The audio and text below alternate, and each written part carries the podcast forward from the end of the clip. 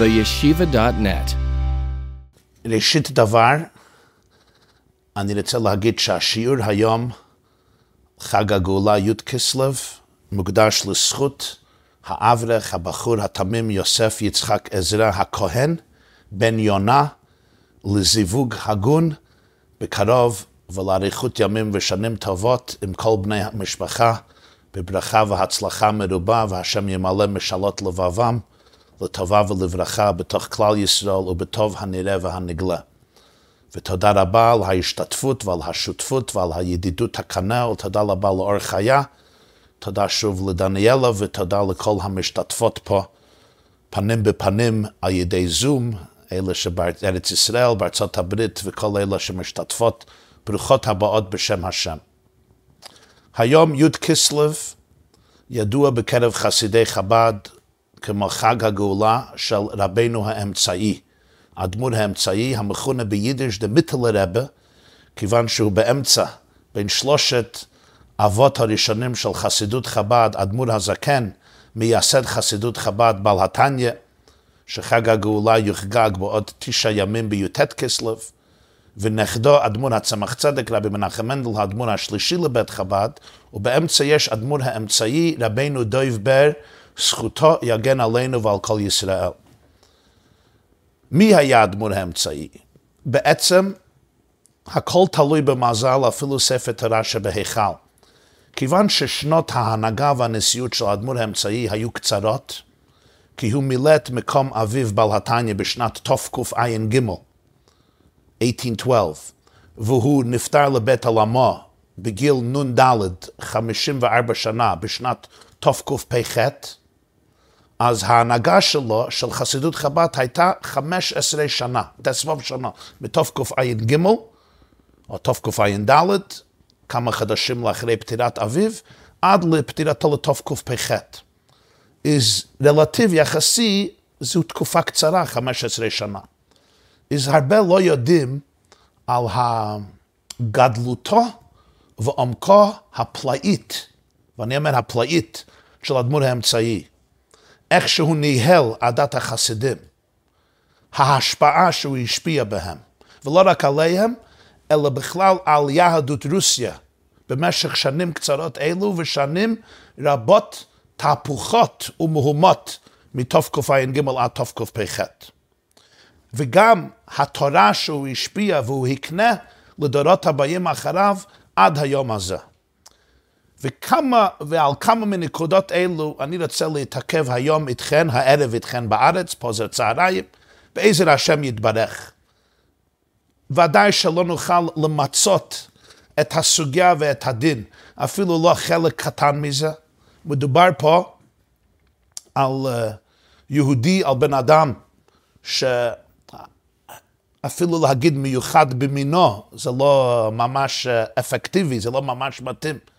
מדובר על יהודי, על רבה, על מנהיג ישראל, שהיה משכמי ומעלה גבוה מכל העם מכמה וכמה בחינות, איש אלוקי ממש, אבל נתחיל את המסע ולו קצת, והתקווה שכתוצאה מהשיעור הזה יתעורר קצת צמאון, צמא לך נפשי, וקצת ביקוש, והיה כל מבקש השם, ילך אל אלמויד, שיהיה קצת ליבי ובשרי, ירננו על כל חוי, נחשפו וגם כל סנפשי לחצרות בית השם, ולו במקצת שיהיה קצת צמאון ללמוד יותר, לדעת יותר, העיקר להפנים יותר, כפי שנראה בהמשך השיעור, ושזה יפעל במחשבה ובדיבור ובמעשה, שהוא העיקר כי לא המדרש עיקר, אלא המעשה.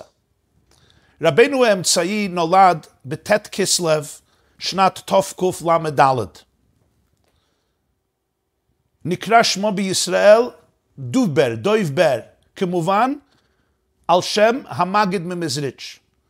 אביו, אדמו"ר הזקן בעל התניא, היה תלמידו המובהק והנאמן של רבו הגדול והדגול, רבי דויב בר, המגיד ממזריץ', תלמידו ממלא מקומו של הבעל שם טוב. המגיד ממזריץ' נפטר בי"ט כסלו, שנת תקל"ג. ידוע שבשבת לפני פטירתו היה שבס פרשס וישלח. והוא פנה לאדמו"ר הזקן, רבי שני זלמן, והוא אמר לו, י"ט כסלו יהיה יום ההילולה שלנו.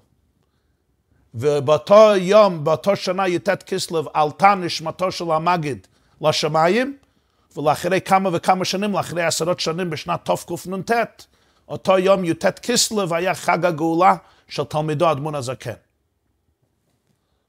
שנה לאחר כך נולד לאדמון הזקן בנו בכורו אדמון האמצעי. והוא קורא לו בעת הברית, השם של רבו הרב המגיד דויב בר. זה י"ט כסלו תקל"ד. כלומר, רק עשר ימים, עשרה ימים לפני היורצייט הראשון של המגיד במזריץ'. כמובן, הוא גדל בחק של אבא שלו. אבא שלו, האדמו"ר הזקן, בעל התניא ובעל שולחן אורך הרב, שהיה אחד מהגאונים הכי גדולים בהיסטוריה היהודית, הן בניגלה והן בקבלה, הן בפנימיות והן בניגלה, הן בחסידות והן בהשקפה ומחשבה. פעם הייתה בהתוודות יוטס קיסלב, הגאון רבי יוסף דויב הלוי סולובייצ'יק, איש בריסק, שהיה נכדו, היה בנו של רב מוישה סולובייצ'יק, נכדו של רבי חיים הלוי מבריסק, רבי חיים הלוי סולובייצ'יק, זה ממשפחת רבי חיים מוולוז'ן, תלמידו המובהק של הגר"א מווילנה. ופעם בי"ט כסלו היה תשכ"ט בבוסטון, אז הוא דיבר, אני חושב, כשעתיים. יש, יש זה בקלטת, אני שמעתי קלטת מזה לפני כמה וכמה שנים. אז אני זוכר שהוא אומר, אני לא אומר המילים המדויקות, אבל כך היה התוכן. רב סולובייצ'יק אמר שמעוז הרמב"ם לא היה איש השכל כמו אדמו"ר הזקן בלתניה, ודיבר על זה שעתיים, על מה כוונתו. אדמו"ר האמצעי רבינו דויבר גדל על חיקו של אביו הגדול, ובאמת האב זוכה לבנו, היו לו כישרונות מדהימים ועצומים.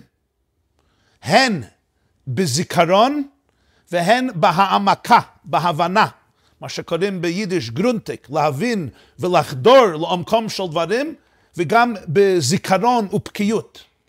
היה מתמיד עצום, למד יומם ולילה, שמענו פעם מהרבי, מהרבי מלובביץ', שאמר פעם, סיפר פעם, מה ששמע מחותנו, אדמו"ר הרייץ, שכשאדמו"ר האמצעי, רב דויבר היה ילד, אז אדמו"ר האמצעי, אדמו"ר הזקן, רצה להביא מלמד שילמד לו תורה, בתור ילד קטן, ממש, תירו, ילד מאוד קטן.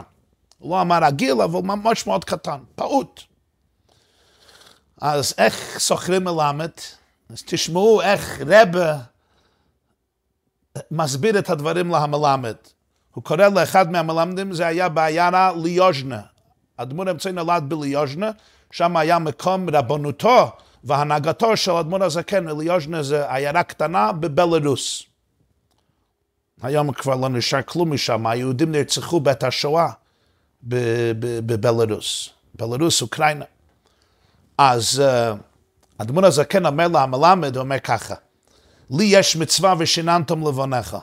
לך יש מצווה שרק כסותה ועונתה לא יגרע, אתה צריך לפרנס אשתך ובני ביתך. זה חיוב על האבא ועל הבעל. בוא נחליף מצווה במצווה. אתה תעשה את המצווה שלי, אני אעשה את המצווה שלך. כך הגדיר אדמו"ר הזקן את זה לא רק תלמד לבן שלי, אני משלם לך, לא אמר ככה. בוא נחליף מצווה במצווה. אתה תלמד לבני תורה, זה מצווה שלי, ואני אפרנס המשפחה, כלומר אני אשלם. הרב אמר, כנראה שהמלמד הזה היה יהודי חכם. געווען א קלוגער, האברך הזה היה קלוג, היה חכם. אז הוא אומר לבעל התניא, הוא אומר, זה לא פיר, זה לא, זה לא fair deal. זה לא עסקה ש... שמנומקת עליי, שמתאימה לי, זה לא צודק. למה? אומר, המצווה של, של הרב זה לפרנס את המשפחה שלי, זה ברור מה צריכים לעשות, צריכים לתת כסף. שנוכל לזון את עצמנו, שנוכל לחיות. אבל המצווה שלי ללמד את בנו של הרב תורה, זה כבר צריכים לדעת איך. זה כבר מדוותח וסנבי, אני צריך לדעת איך. לכן הרב אמר שהמלמד הזה היה חכם, הוא לא סתם לקח את המשרה. הוא רצה הדרכה מאדמו"ר הזקן. אז אדמו"ר הזקן נכנס לדבקות. ואמר לה המלמד, הוא אמר לו ביידיש, der erste Sach, was man lernt mit jüdisch Kind, ist Aleph Beis. הדבר הראשון שמלמדים לתינוק זה הרי האלף בית. ומה האות הראשונה של האלף בית? א', ואחר כך אמר בניגון הידוע, בעל התניא היה מדבר בניגון ידוע אפילו כשהייתה שיחה רגילה. ווס איזן א', מה זה א', ועכשיו אני חוזר על לשון של הרבה שחזר על זה, חזר על זה בקול נחנק מבכי. ווס איזן א', והוא חזר את זה בהניגון של אדמו"ר הזקן, מה שאמר לה המלמד של בנו. אפין טלפוני בן, אפין טלפון unten, das ist ein Aleph, a Jud von eben, Jud von Yiras Shamayim beemza, das ist ein Aleph. מה זה א'? א', הציור שלו זה נקודה למעלה ובנקודה למטה. הסביר אדמון הזקן, יש יוד למעלה, יוד קטנה למעלה זה א', יש יוד למטה, ויש קו שמחבר את, שמחבר את שתי היודין, מזה נוצרת הציור של אות א'. הסביר אדמון הזקן, זו היסוד וההתחלה לחינוך. יש יוד למעלה, כלומר, הקדוש ברוך הוא. יש יוד למטה, זה נשמה, זה יהודי. זה המציאות האדם שהוא גם יוד למטה. ויש קו של יראת שמיים שמחברת אותם עד שהם מתאחדים למציאות אחת. זו הייתה ההדרכה של האבא איך לחנך את הבן. ובעצם, כך אני חושב עכשיו, נכנס למוחי, שזה בעצם מגלם מה שהיה אדמו"ר האמצעי. אדמו"ר האמצעי גדל לזה שאצלו חיבר לגמרי עולם ואלוקות, שמיים וארץ, רוחניות וגשמיות, נשמה וגוף. כל מהותו הייתה חדורה תרא, וכל מהותו הייתה חדורה עבודת השם, וכל מהותו הייתה חדורה חסידות, תורת החסידות, ובפרט תורת החסידות של אבא שלו. יש המון סיפורים על ההשתוקקות שלו, על הצמון שלו, לשמוע עוד מאמר, עוד בירו, וראשו הייתה פתוח, ראשו היה פתוח, וליבו הייתה פתוחה כפתחו של עולם, אז הכל הוא החדיר והפנים ממש ממנו רוב, ולא פסק פומי מגירס, היה גאון עצום בהלכה, בניגלה, וגם בתורת הפנימיות, כלומר תורת הקבלה ותורת החסידות מהבעל שם טוב והמגד, ובמיוחד תורת החסידות שאותו למד מאב, מאביו הגדול והגאון, בעל התניא ובעל שולחן אורך הרב. מספרים, אדמו"ר הזקן לא היה אומר חסידות בשופי, היו זמנים מיוחדים, קבועים, ואדמו"ר האמצעי היה משתוקק לשמוע הכל, ולעורר יותר מאמרים ויותר מאמרים אצלו. מאמר של אבא היה שווה יותר מכל העולם. כל העולם הזה וגם, כל, וגם, וגם הרבה יותר מזה. מספרים, זה דרך אגב, שפעם הייתה באחד מהשריפות הגדולות, נשרפו המון כתבים מאדמו"ר הזקן, שהוא כתב.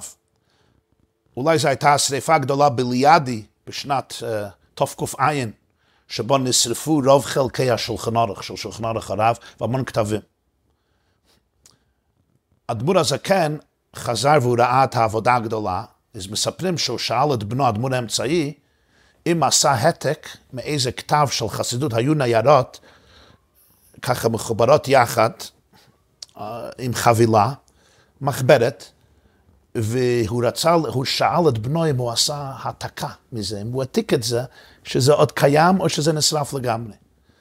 אז אדמון האמצעי אמר לאבא, איך יכולתי להעתיק? הרי כתבת על זה, הוא כתב על החוברת, שכל מי שמעתיק את זה, yeah, הוא יהיה בחרם בעולם הזה בעולם הבא.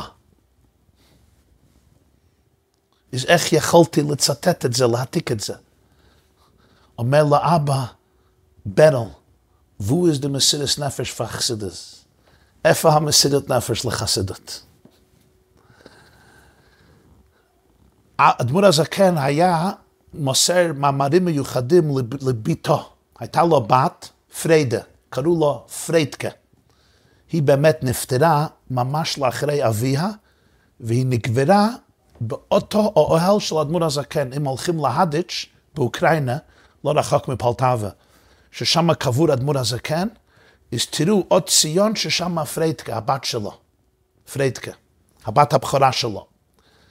אז uh, לפרייד, פריידקה הייתה אישה גדולה ודגולה מאוד, יש סיפור גדול איך שהיא נקברה ממש בתוך האוהל של אבא, של אדמו"ר הזקן.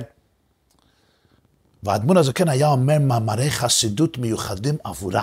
והאדמו"ר האמצעי היה מטמין את עצמו בתור נער כדי להקשיב למאמרים. פעם, אדמו"ר הזקן אמר לפרייד כמאמר על בגדי כהן גדול. ובגדי כהן הדיוט. מצנפת ומכנסיים וכתונת.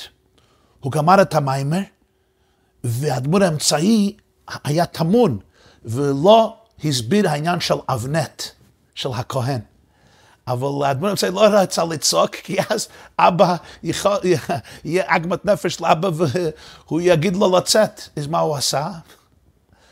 הוא סילק את החגורה שלו והוא זרק את זה על הרצפה אצל מרגלותיו של פרייטקה, שהיא תראה אבנט. וזה עורר אותה שהיא תזכור להגיד לאבא שאבא לא הסביר את העניין של אבנט. עד כדי כך שהצמח צדק, שהיה חתנו וגם בן אחותו של אדמון האמצעי, כי הצמח צדק נישא לחיה מושקה, רבנית חיה מושקה, בת אדמון האמצעי, וגם אימא שלו הייתה דבור, הרבנית דבורה לאה, שהייתה אחותו של אדמון האמצעי, בתו של בעל התניא. שיש סיפור שלם, זה לא, זה לא הנושא היום, שהיא מסרה את נפשה עבור אביה, והיא נפטרה בצעירותה והשאירה את מנחם מנדל הצמח צדק יתום, והוא גדל על ברכי סבא הגדול אדמון הזקן. אז הצמח צדק היה חתנו וגם בן אחותו של אדמון האמצעי. הוא אמר פעם, אז mir wollt geschnitten dem Finger von schwer, wollt nicht gegangen Blut, wollt gegangen Chassidus. אם היו חותכים את האצבע של חותני, אדמון האמצעי, לא היה נוזל דם, היה נוזל חסידות. בעזר השם, קרוב לסוף השיר, אני אסביר את עומק הדברים, מה ששמעתי פעם מהרבי מלובביץ', כוונתו של הצמח צדק, שזה לא סתם היה מליצה. בשנת תקנ"ן, עוד לפני שהוא עשרים שנה, הוא עוד לפני עשרים שנה ממנה אותו אדמו"ר הזקן להדריך את האברכים, את התלמידים, הבחורים והאברכים שמגיעים לשהות אצל אדמו"ר הזקן וללמוד ממנו. והולכים לישיבות שייסד אדמו"ר הזקן בליוז'נה. ישיבות עבור גאונים ומוחים גדולים שהוא ידריך אותם ויסתק איתם ויעזור אותם בעבודת השם ובלימוד ובלימוד הנגלה, בלימוד החסידות. והוא מוסר את נפשו באופן נפלא להדרכתם של האברכים האלה. הוא מסור עליהם בכל ליבם ונפשם, והוא כותב מכתבים על זה, שמשם רואים את המסירות שלו להם. עד כדי כך, שהרבא סיפר את זה במאמרו הראשון, במאמר בתי לגני, תשי"א. כשהוא קיבל את הנשיאות, י' שבט תשי"א, הוא אמר מאמר ראשון בתי לגני, והוא סיפר סיפור על כל אחד מאדמו"רי חב"ד, והסיפור שהוא בחר לספר על אדמו"ר האמצעי, הוא סיפר את זה בבחיות, הוא סיפר ובייר את הסיפור והיו בחיות נפלאות. ממש uh, מאוד עמוקות, אפשר לשמוע את זה בהקלטת. הסיפור היה שפעם נכנס אברך לאדמו"ר האמצעי, והוא ביקש תיקון על חטאת נעורים. חטאת נעורים הכוונה חטאים כאלה מימי הנוער, כשיש רתיחות הדמים, או כשהגוף מתחיל להתפתח באופן חזק מאוד, והוא עבר על כמה דברים שלא ראויים, עשה דברים לא ראויים. הרב אמר אז ביידיש, הוא נכנס לבקש אפזל חניונים וסיונגלייט קומן פרגן. הוא נכנס לאדמו"ר האמצעי לדבר על דברים כאלה שאנשים צעירים מדברים על זה, ככה הייתה לשון נקייה של הרב. עניינים כאלה. והפשיט אדמו"ר האמצעי את שרוולו, והראה לו שהאור שלו ביד צפד, צפד אורו על עצמו, זה נמק, זה התייבש. והוא אמר לאברך, אתה רואה, מה שקרה לו האור הזה, זה מהחטאת חטאות נעורים שלך. זה הסיפור. איך אתם מבינים את הסיפור? יש כאלה שלא תופסים את הסיפור, מישהו שאל אותי פעם, אני לא מבין. היהודי הזה נכנס כי הוא רוצה תיקון. הוא רוצה שהדמות האמצעי יעלה אותו. אז מה הוא אומר לו? נותן לו גילט, רגש אשמה עד סוף חייו. אתה רואה? האור שלי צפו, צפד אורו, זה התנמק, זה התייבש, בגללך. נבח המסכן הזה, לא רק שהוא מרגיש רע על החטא שלו עכשיו, צריך להרגיש שהוא גרם להרבה כל כך הרבה עוגמת נפש וכל כך הרבה חלישות בבריאות הגוף. אבל הרבי הסביר את הסיפור במאמר ההוא, את אמיתית הסיפור, שזה בדיוק להפך. אדמון האמצעי יצא לקרב את האברך, הוא אמר לו, אתה, אתה צריך להבין אותי. אף פעם אני לא, התנת, לא התנתקתי ממך, אין התנתקות אצלנו. זה לא פשוט, לא, אל תחשוב שאם אתה עשית טעויות גדולות, ואפילו אם ירדת ברוחניות וברגשיות לבאר שחת, שאני התנתקתי ממך. אין דבר כזה. בלשונו של הרב, האדמו"ר האמצעי, שהיה איש אלוקי, היה בתכלית ההתקשרות ובתכלית הדבקות ובתכלית ההתחברות לכל אחד ואחד מתלמידיו וחסידיו ושומעי לקחו, עד שאפילו אם הם הולכים לאיזשהו מקום חשוך, אני שמה איתך. מה שקרה לך קורה גם לי. אין התנתקות, אני שמה. אם היה נכי בצורת, צדיקים דומה לבוינו. גם כי ילך בגי צלמובת לא יראה כי את תעמודי. אם עסק שמיים שם אתה, והציר שאול הנקה. ואני לא אשאר שם. אז אתה גם לא תשאר שם. אני שמה איתך. ובמילא אתה שם עם כל עצם הקדושה שלך, ועם הרבר שלך, ועם הנשמה שלך, ועם האור שלך. אלוקים איתך. ובמילא אפשר לצאת ביחד. אבל זה רק מסמל את הדבקות העצומה שהיה לו עם האברכים. אספר לכם עוד סיפור, שהאדמו"ר הרייץ כתב פעם. הוא כתב את זה במכתב בתרצ"ו, כשהוא היה בדאצ'ו, היה, היה, הלך לפורקרסדורף בשביל הבריאות שלו. אז הוא מספר שמה, זה סיפור נפלא, שפעם הוא דיבר עם האברכים, כפי שאמרתי, האדמון הזה כן מינה אותו להדריך ולעורר ולעזור ולהשפיע ולהדריך את האברכים שהגיעו לבלתניה. היו צעירים, והם היו תחת פיקוחו התמידי של האדמון האמצעי, כאילו הוא היה המשפיע, הראש ישיבה. ופעם הוא דיבר אותם, התוועד איתם, ודיבר איתם בהתרגשות גדולה. דברים היוצאים מליבו הקדוש בשפיכות הנפש ממש, בעניין נחיצת העבודה שבלב, תפילה במתינות. הוא דיבר איתם איך שהעיקר זה להפנים את החסידות, שזה ישנה את, את הפרספקטיבה של הבן אדם ואת המידות שלו, את החיים שלו. שזה לא רק יהיה רעיונות מופשטים. מה שעשה רוישם אדיר על השומם. איך שהוא דיבר בהתרגשות על העבודה, על התפילה. אדמון האמצעי כותב, אדמון הריאץ היה חלוש הלב והריאה עוד מימי נעוריו, והדיבור בהתרגשות הלב פעל לרע על הבריאות שלו, וכן היה שאחר ההתוועדות נחלה ליומיים, ויבואו אחדים מזקני החסידים לבקרו. ויאמר אחד מהם לרבנו האמצעי, מדוע דיברת בהתרגשות כל כך? אתה הרי יודע שזה מזיק לבריאותך. אתה מאוד uh, מתרגש, וזה לא טוב בשבילך.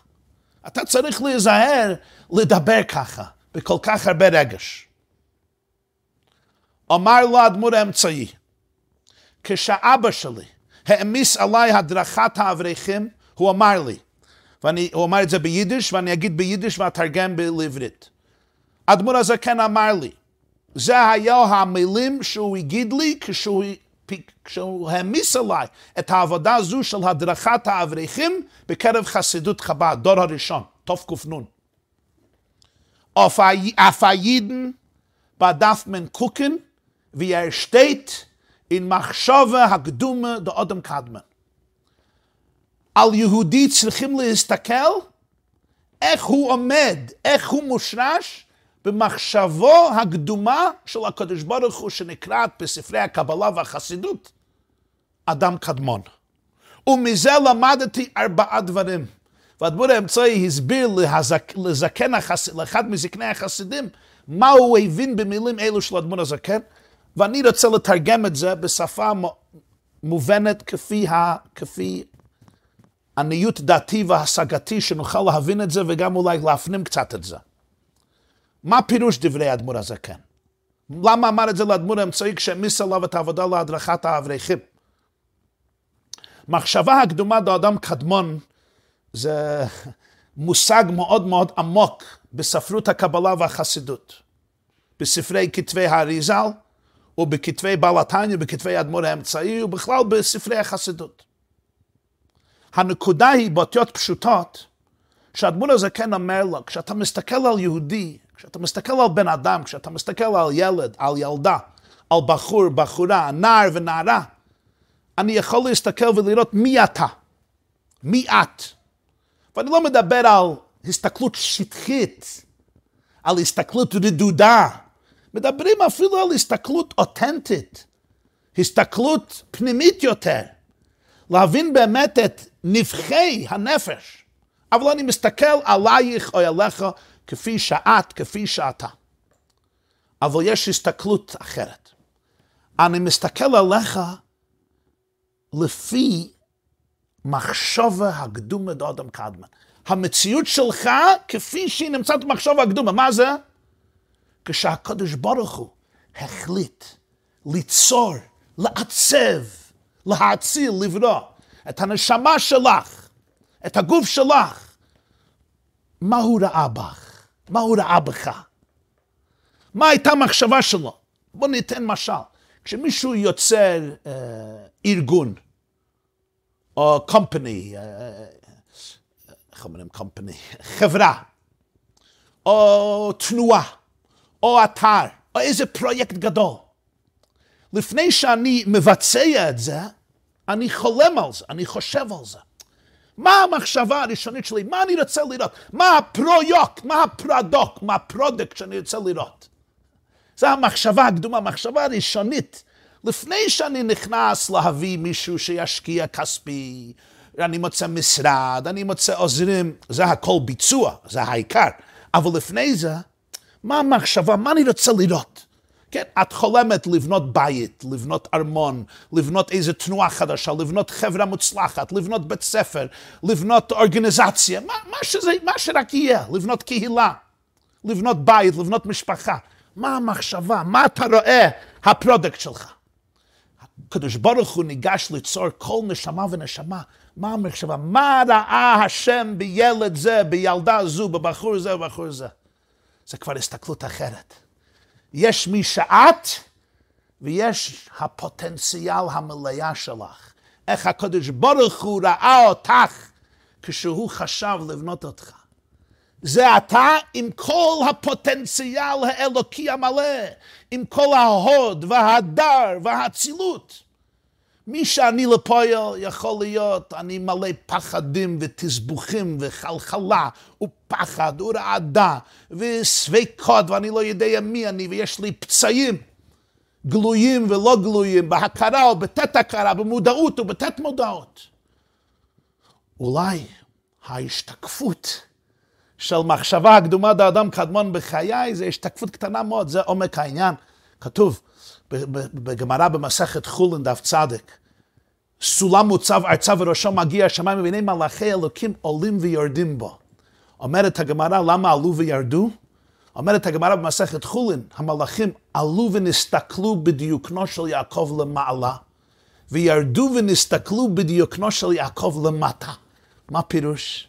לכל בן אדם יש שתי דמויות. יש הדמות שלי, הדיוקן שלי, האימג' שלי למטה. יש הדמות שלי למעלה. הדמות שלי למטה זה מה שאני. מעלות, חסרונות, ברכות, אתגרים, דברים טובים, דברים שצריכים לתקן. כל אחד ואחד. הדמות שלך למעלה זה מי שאת אמורה להיות, מי שאת יכולה להיות. מה הקדוש ברוך הוא ראה בבן אדם הזה בעת יצירתו. הבן אדם עם כל הכוחות האינסופים, העצמיים, הפנימיים שיש בך. תמיד צריך להיות סולם מוצב ארצה וראשו מגיע השמיימה. אומר הדמון הזקן לאדמון אמצעי, אתה מדריך חבריכם? אני אומר לך, כולנו, אתה נכנס לכיתה ללמד ילדות, ללמד נערות, ללמד בחורות, ללמד בחורים. אתה נכנס לבית שלך, ואתה רואה את הילדים שלך, הילדות שלך. צריך סולם מוצב ארצה ולא שמגיע שמה. ודאי אני צריך לראות מי את בפועל בעולם הזה. אבל אל תניח להסולם לצאת מהראש שלך, סולם שיחבר שמיים וארץ. הוא אומר לאדמו"ר האמצעי, על יהודי, על כל יהודי, דף מן קוקן, אתה צריך להסתכל עליו. כפי שהוא או היא עומדים, הריאליות שלהם במחשבתו הקדומה של אדם קדמן. אם אני לא רואה את זה בכל ילד, בכל ילדה, בכל נער, בכל נערה, בכל בחור, בכל בחורה, בכל איש, איש, אנושים, נושים וטף, אז כבד ושב בביתך. אין לי הזכות להיכנס, לטפל איתם, להתעסק איתם. כי אני החרפתי את הסולם. אין המוצב ארצה ולא שמגיע השמיימה. והאדמו"ר האמצעי מוסיף. הוא אומר, הכוונה של אבא שלי זה לא רק להסתכל ככה על הזולת, כי אם גם על עצמו צריכים להביט כמו שהנשמה עומדת במחשבה קדומת אדם קדמן. זה לא מתחיל עם אחרים, זה מתחיל עם עצמי.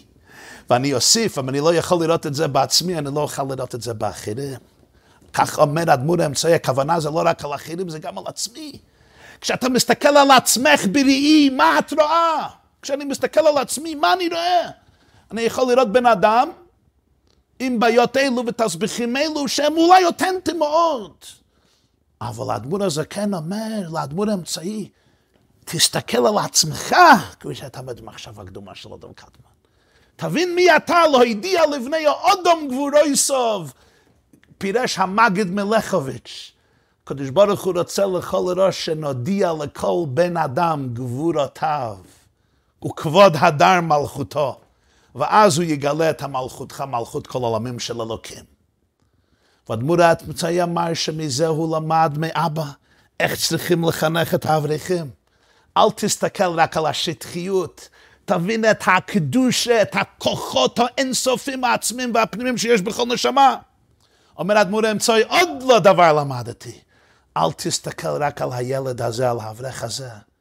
כי במחשב הקדומה הוא עומד עם כל הדורות שיבואו אחריו. כשאתה מדבר לבחור הזה, לבחורה הזו, את לא רק מדברת אליו או אליה. אתה מדבר לדורות הבאים אחריו, כך תסתכלי עליהם. וואו. ותראה גם כל השליחות שיש להם בעתיד.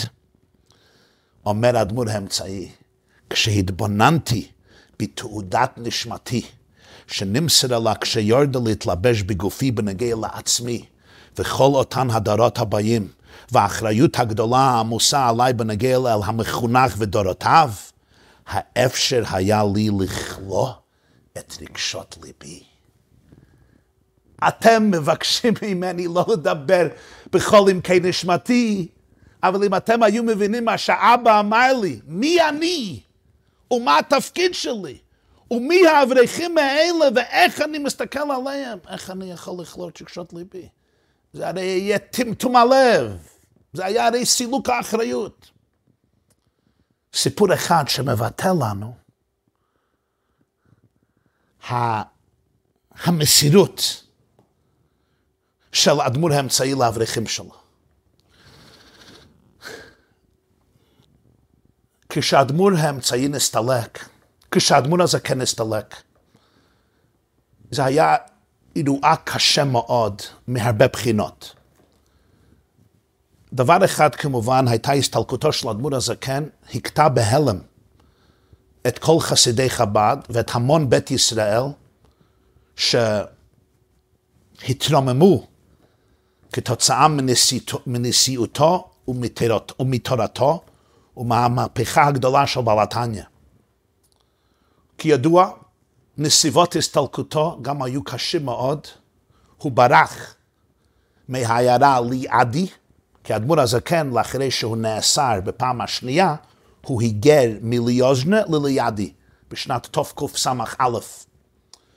והוא גר בליעדי עד תקע"ב בחודש אלו. נפוליאון, צרפת, התחילה המלחמה נגד רוסיה בקיץ של תקע"ב, 1812. וזה היה צבא לא נורמלי, במושגים של ימים ההם הצבא הייתה יותר מ-600 אלף חיילים. זה כאילו תגיד היום צבא של 10 מיליון חיילים, זה לא היה בנמצא בכל ההיסטוריה, צבא במספר כזה. לנפוליאון לא הייתה שאלה שהוא יכבוש את רוסיה.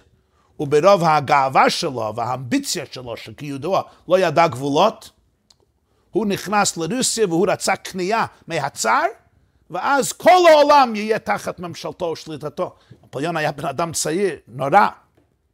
אדמו"ר הזקן כידוע לא רצה להיות תחת מלכותו וממשלתו של נפוליאון, וכשהגיע סמוך לעיר לידי, זה היה בערב שבס מבורכים אלול, תקע"ב, כמעט לפני ראש השנה תקע"ג, הוא ברח. ברח מלידי עם כל בני משפחתו לעומק רוסיה. ברח לכמה חדשים, הלך, היטלטל מעיר לעיר, הודות לאדמו"ר האמצעי שכתב בשנה אחר כך מכתב ארוך לאחד מהחסידים, ושם הוא תיאר כל הנסיעה של האדמו"ר הזקן וכל המשפחה והחסידים הקרובים, כל עיר, איפה הם היו, מה האדמו"ר הזקן אמר שם, מה הוא עשה שם. ורבי ישוע מונשיין, זיכרונו לברכה, הוציא ספר נפלא שנקרא המסע האחרון. זה המסע של האדמו"ר הזקן שברח מתבליון, וכידוע שבאמצע חודש טבת הוא נתקרר מאוד מהחורף הלא נורמלי שהייתה ברוסיה ובאוקראינה, בחורף ההוא, הקור שבאמת גרם להמפלה של נפוליאון, ובכ"ד טבת, תקע"ג, דצמבר 1812, נפטר אדמו"ר הזקן במוצאי שבת פרשת שמות, כ"ג טבת אור לכ"ד טבת תקע"ג, בכפר נידח ששמו הייתה כפר פיאנה. אדמו"ר האמצעי לא היה בעת ההסתלקות. רב מוישה היה בכלא אצל הצרפתים, עינו אותו, זה היה בן של אדמו"ר הזקן. אדמו"ר האמצעי, רב חיים אברהם, היה חולה. מי כן היה? הצמח צדק, נכדו. הובילו אותו להדיץ', שם מנוחתו כבוד, אדמו"ר האמצעי לא הייתה בהלוויה ולא הייתה, היה בהסתלקות, היה בעיר קרמנצ'וג. כי האדמו"ר הזקן שלח לו למצוא איזה בתים שיוכלו להתיישב באיזשהו מקום בקביעות.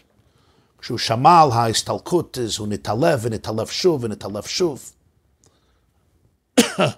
בסופו של דבר, היה תקופה קשה מאוד. מה יהיה העתיד של חסידות חב"ד? אתם יודעים, האדמו"ר הזקן היה כמו אברהם אבינו. הוא היה ראש שלא היה ככה, לא היה ראש כזה דורות ארוכים. העמקות שלו, ההבנה שלו. הגאון הרגצובי, צפנת פניך, לא החשיב את האחרונים. אבל הדמות הזה כן, הוא כותב עליו בתשובות, הגאון האמיתי, זיכרונו לברכה. הוא אמר, הוא ידע ללמוד כמו הרמב"ם שידע ללמוד. ומה שהדמות הזה כן הביא לרוסיה ולכלל ישראל, היה משהו ש... חידוש עצום שלא מעל מועדן, היה נשמה חדשה. הן ההבנה שלו בניגלה, בניגלה, הן ההבנה שלו בקבלה והן החידושים של חסידות חב"ד. איך שהוא לקח כל תורת הבעל שם טוב והפנים את זה בחכמה, בינה, דעת, ומה עכשיו יהיה. אדמו"ר הזקן לא היה איש זקן, הוא היה בן ס"ח שנה, מה יהיה העתיד? והם אפילו לא היו בעיירה שלהם. זו הייתה תקופה קשה. ופה התגלה הצד של האדמו"ר האמצעי שלא ידעו שקיים. כי הוא היה כל כך עסוק בתורה בעבודה, הוא היה לגמרי למעלה מעול העולם. אבל עכשיו הוא הבין את האחריות שלו להמשכיות של חסידות חב"ד. היה מהתלמידים הגדולים של האדמו"ר הזה, כן היה רבי ארן מסטרשלה, רבי ארן הלוי הורוביץ. והוא החליט שהוא יהיה רבה חדש בחסידות חב"ד. כבר כמה שנים לפני פטירת האדמו"ר הזקן, הייתה מחלוקת בליאדי ורב ארן עזב, ועכשיו רב ארן נעשה רבה. רב פנחס רייזס היה תלמידיו, תלמידו הגדול של אדמו"ר הזקן, כתב מכתב שאדמו"ר הזקן אמר לו בפירוש בתקע"א, בעת חתונה של בת אדמו"ר האמצעי, לרבי יעקב ישראל מצ'רקס, שהיה בן המגיד בצ'רנובל, רב מרדכי מצ'רנובל, זכותו יגן עלינו, הייתה חתונה. אדמו"ר הזקן אז הכניס לפנחס רייזס ואמר שאדמו"ר האמצעי יהיה ממלא מקומו.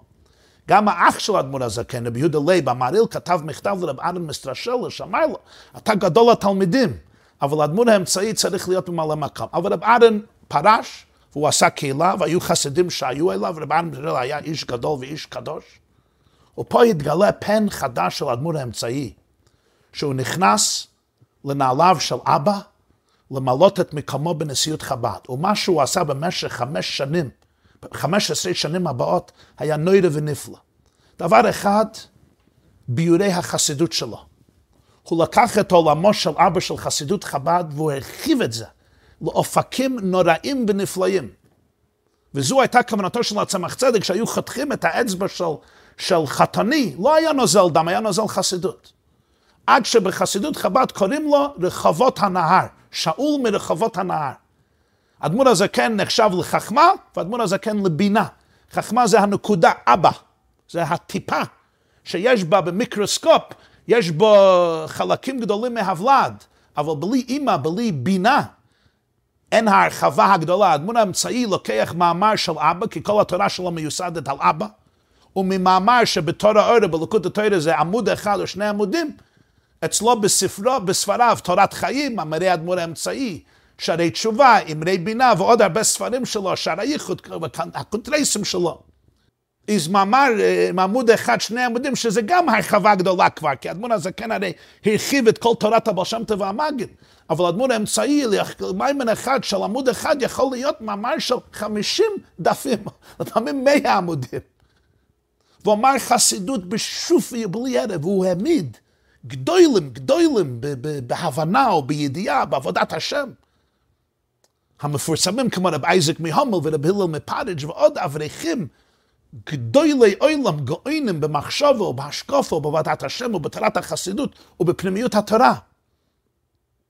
הייתה, היה פתגם שחסידי האדמו"ר האמצעי, זאת זה נשת, הרב כתב את זה פעם, זה, אויז גפלט משיח. לא הרגישו זקוקים למשיח. למה? זה הרב אמר, כי מה זה משיח? הרמב"ם כותב שבאותו הזמן, לא יהיה קינא, מלחמה, לא יהיה רוב, מלחמה, קנאה ותחרות, לא יהיה עסק כל העולם אלא לדעת את השם בלבד. יהיו ישראל חכמים גדולים ויודעים דברים הסתומים וישיגו דעת בעולם כפי כוח האדם שנאמר כי מלא הארץ די את השם כמים ליום מכסים. כך מסיים הרמב"ם משנות הוא אומר בזמנו של הדמות האמצעי כך הם חיו, כך הם הרגישו שמלא הארץ די את השם כמים ליום מכסים. הדמות האמצעי שלא כמו אבא היה יכול להגיד דרושי חסידות בשבת אחד או ביום טף הרבה פעמים ושעות ארוכות. הרבי מלובביץ' היה אומר מאמר חסידות אחד בהתוודויות. לעתים נדירות מאוד היה אומר שני מאמרים. כמו בפורים תשי"ג ואז מת סטלין. על כן קורא יום למי לפורים. פעם יחידה שאמר בהתוודות אחד שלושה מאמרים שונים, זה היה בשבס פרשת ויצא ט' כסלו תשכ"ב. כי זה היה יום היורצייט ויום ההלדת של האדמו"ר האמצעי. ולכבודו של אדמו"ר צעיר אמר שלושה מאמרי חסידות בשבת אחד. והויה זרחה כעפר הארץ ופרץ ים וכן סופנו ונגבו. פודה בשלום נפשי מקרוב לי כי ברבם היו מודי, ואתה אחד ושמך אחד ומי חמך גזול, גו אחד בארץ. בספר בית רבה, שנכתב על ידי רב חיים צבי הילמן, חסיד כפוז, זה ספר נפלא על הביוגרפיה של אדמו"ר הזקן, אדמו"ר האמצעי ואדמו"ר הצמח צדק. זה ספר מאוד יפה ומאוד נעים ומאוד uh, טעים, מאוד גשמק. בספר בית רבה הוא כותב שבשבת קודש אדמו"ר האמצעי יכול לומר הרבה פעמים חסידות, כל פעם כמה שעות. ביום טף היה אומר בריבוי יותר, עד שהשומעים היו נלאים משמוע, כי מוחם היה קטן מהאכיל והוא לא היה מתייעף כלל, גם שהיה חלוש בבריאות. פעם אחת בשבועס, אמר י"א פעמים מאמרי חסידות בריבוי גדול, עד שנכנס אליו דודו רבי יהודה לב, רבי יהודה לב, אחיו של אדמו"ר הזקן, בעל שארית יהודה, קראו לו מהריל, מהריל, רבי יהודה לב, ואומר לו, לאו כל מויכה סובל, אומר לו ביידיש, ניט אללה haben דיין קופ. לא לכל אחד יש הראש שלך. זה מה שהוא אומר לבן אחיו, אדמו"ר האמצעי. פעם אחת בשמחת תרא, אמר חסידות הרבה פעמים בעוד, החסידים לא אכלו כל היום, גם בלילה מצוי יום טף אמר דברי אלוקים חיים, אחר כך אמר להם, עתה תלכו ותקיימו שמחת יום טוב. כל רצונו, מגמתו הייתה, שתשתפכנה אבני קודש בראש כל חוצות. כמובן זה מאיכה, שזה דבר שלילי, אבל פה אומר בפן חיובי, שפנימיות התורה דברי אלוקים חיים יחדרו לתוך כל לב ולתוך כל מוח, שיפוצו המעיינות חוצה.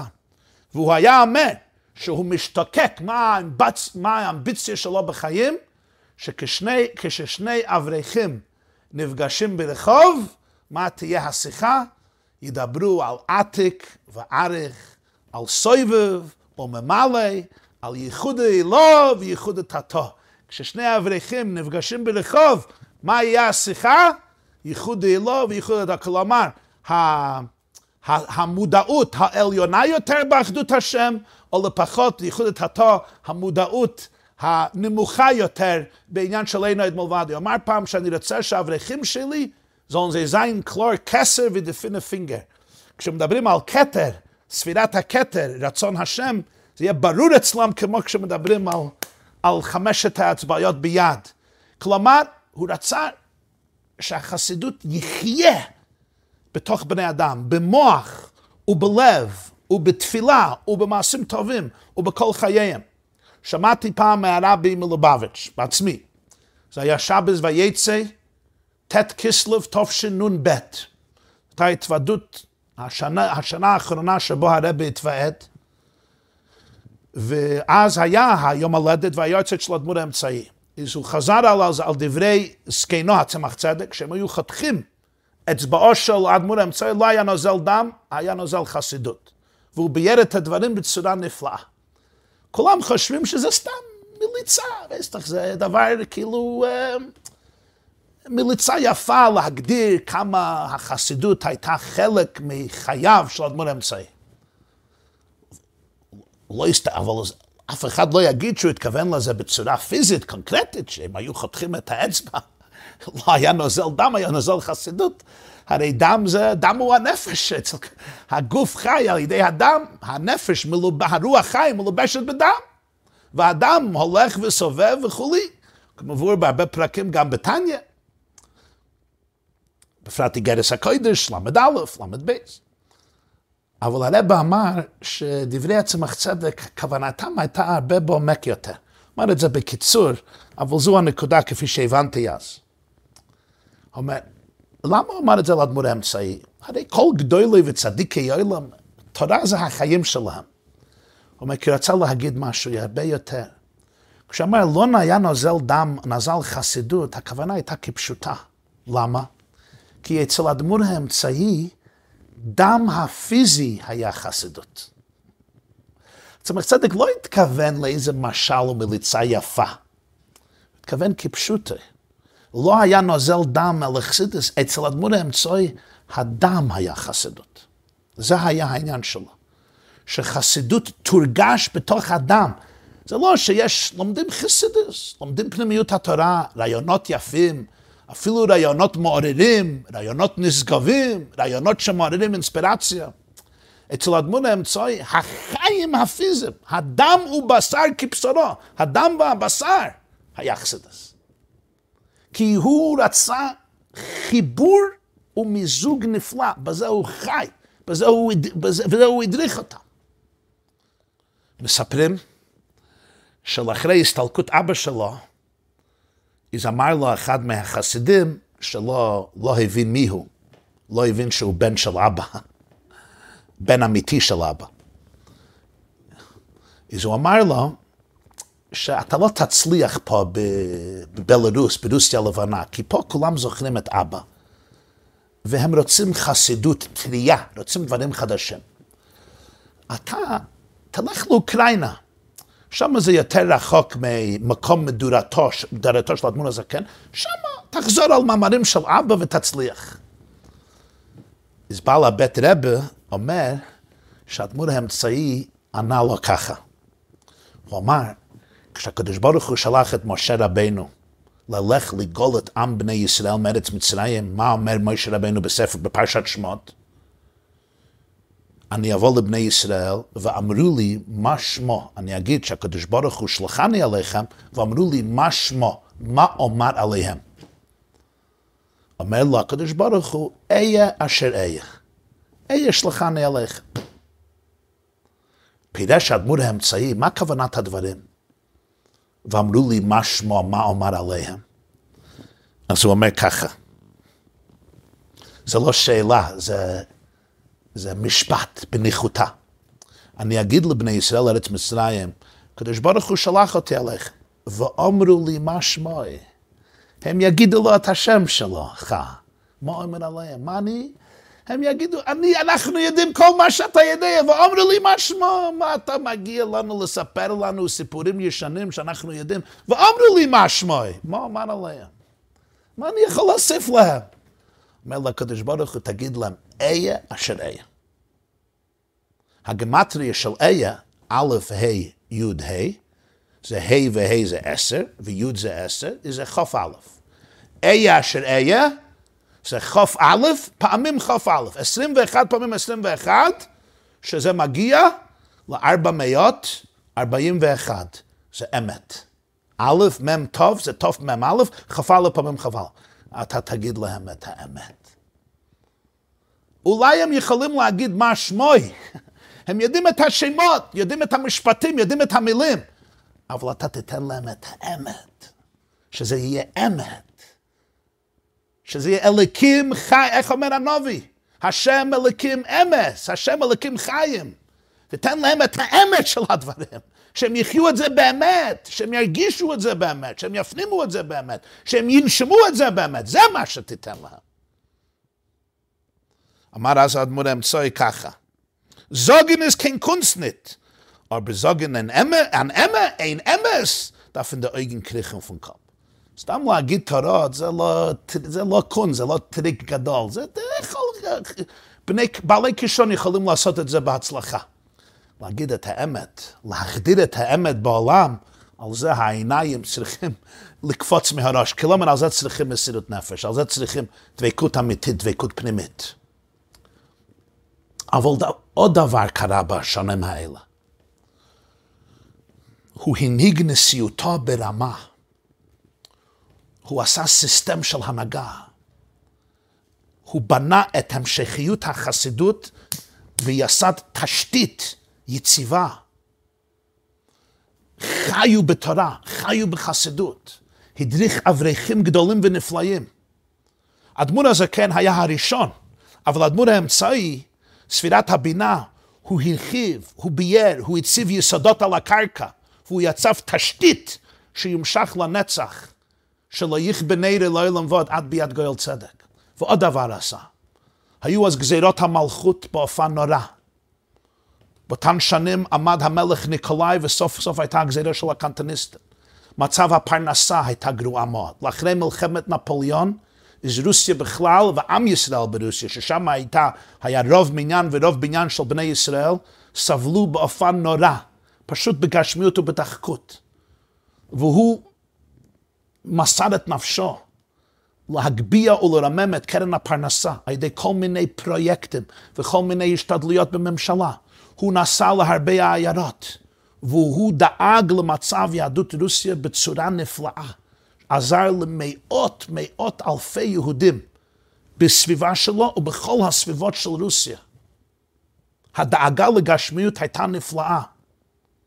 גם הגיעו אליו להתייעץ מכל הסביבה, מקרוב ומרחוק. והוא התעסק בכולם במסירות נפלאה, לא רק בבין אדם למוקם, אלא גם בבין אדם לחברה. לתווך מחלוקת, לעשות שלום, להשכין שלום בקהילות ובמשפחות. יש כמה וכמה מסמכים שנשארו, שרואים את ההתעסקות שלו. נוסף כמובן על הגאונות שלו, הן בנגלה, הן בפנימיות התורה, ובמיוחד בעבודת השם, באיך הוא הדריך את הקהל. אני אסיים עם סיפור ששמעתי בעצמי כמה פעמים מהרבה, מהרבה מלובביץ', בשיחות ובהתוודיות. הרבה מאוד אהב לספר את הסיפור הזה, שהדמות האמצעי טבע מאוד מהחסידים שלו, שיפיצו תורת החסידות בכל מקום. וכשהם הגיעו ללובביץ', כי לאחרי הסתלקות אדמו"ר הזקן היו צריכים מקום חדש להקים את ממלכת חב"ד. לא היו יכולים לחזור לליאדי, כי כל הבתים נשרפו, והמגרשים ששם גרו אדמו"ר הזקן ובני ביתו, בני העיירה בנו על זה מחדש כשאדמו"ר הזקן עזב. ונפטר באוקראינה. אז הוא לא היה יכול לחזור לליאדי, אבל הוא קיבל הזמנה מהלא יהודי שהיה המאיר, הראש של לובביץ', לובביץ' זה לא רחוק מליוז'נה, זה גם בבלרוס, לבוא שם. ושם הוא בנה את חסידות חב"ד. הוא אסף כסף מחסידי אביו כדי לבנות את המשפחה, לבנות בית כנסת. והוא היה תובע שכל חסיד שמגיע ללובביץ', ומאז הם נקראו לבביצ'ה, כי באדמו"ר הזקן לא גרו בלובביץ', גרו בליוז'נה בליאדי. הוא הראשון שגר בלובביץ', וזה נמשך בדמי הצמח צדק, ומאדמו"ר מהרש, ומאדמו"ר הרש"ב, אדמו"ר החמישי, והוא כבר הלך מלובביץ' בתרע"ו, כשהגרמנים הגיעו ללובביץ' בעת מלחמת העולם הראשונה. הוא גם לא היה רצה להיות תחת הגרמנים, כמו שאדמו"ר הזקן לא היה לא רצה להיות תחת נפוליאון. ואז אדמו"ר היה צלח לרוסטוב, על הנהר דן, ושם נפטר. מילא את מקומו אדמו"ר הרייץ, אדמו"ר השישי לבית חב"ד, הוא גר ברוסטוב, אחר כך בלניגרד, אחר כך עזה, נאסר, סוף סוף עזב את רוסיה. ל... ללטביה, אחר כך לפוילן, אחר כך לארצות הברית. אז... אה,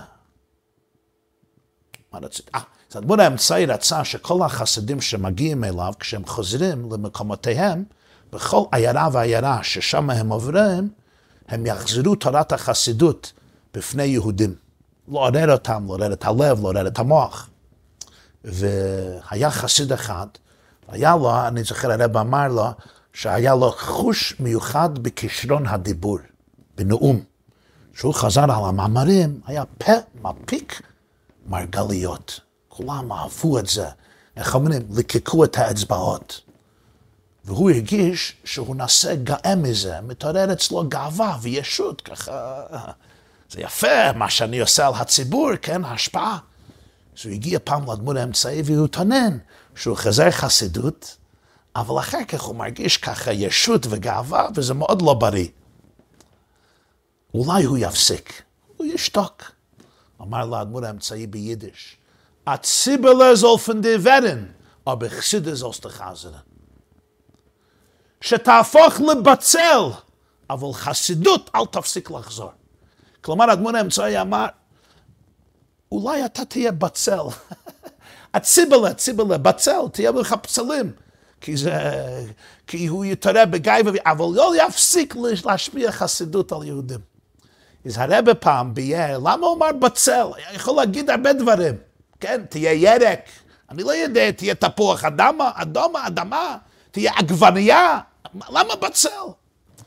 הרב אמר שזה היה בדיוק. כי בצל, זה, יש לו טעם מר. מישהו מתחיל לאכול בצלים, זה טעם מר. זה לא מתוק. אבל כשאתה מכניס אותו לסלט, אתה מכניס אותו למאכל אחר, תבשיל אחר, אה, זה ממתק את המאכל, זה נותן איזה טעם יפה, נחמד, נאצל למאכל, כן? אומרים, חסר פה טעם, צריכים להכניס קצת בצלים. הבצל בעצמו זה מר. אבל כשהוא נכנס לעוד מאכל, לטבל אותו, הוא נעשה תבלין, איך אומר בתניא, עשה לי מטעמם, שלפעמים יש מאכל חמוץ, אבל כשאתה מכניס אותו למאכל אחר, הוא משיב את הנפש. הוא, הוא מכניס טעם יפה. אז מה, מה הנמשל פה? מה הנמשל? תעשה בצל.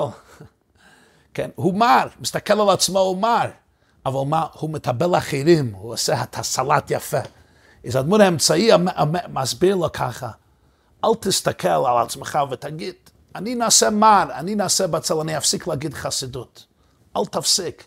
אם יש בך כוח לרומם אחרים, אז אולי אתה בצל, אבל אתה מביא כל כך הרבה טעם וחיות לאחרים, אל תפסיק מזה. כמובן, בסופו של דבר, הבצל עצמו מתעלה, הוא נעשה הרי חלק מזה, אז הוא עצמו גם משתנה ומתעלה.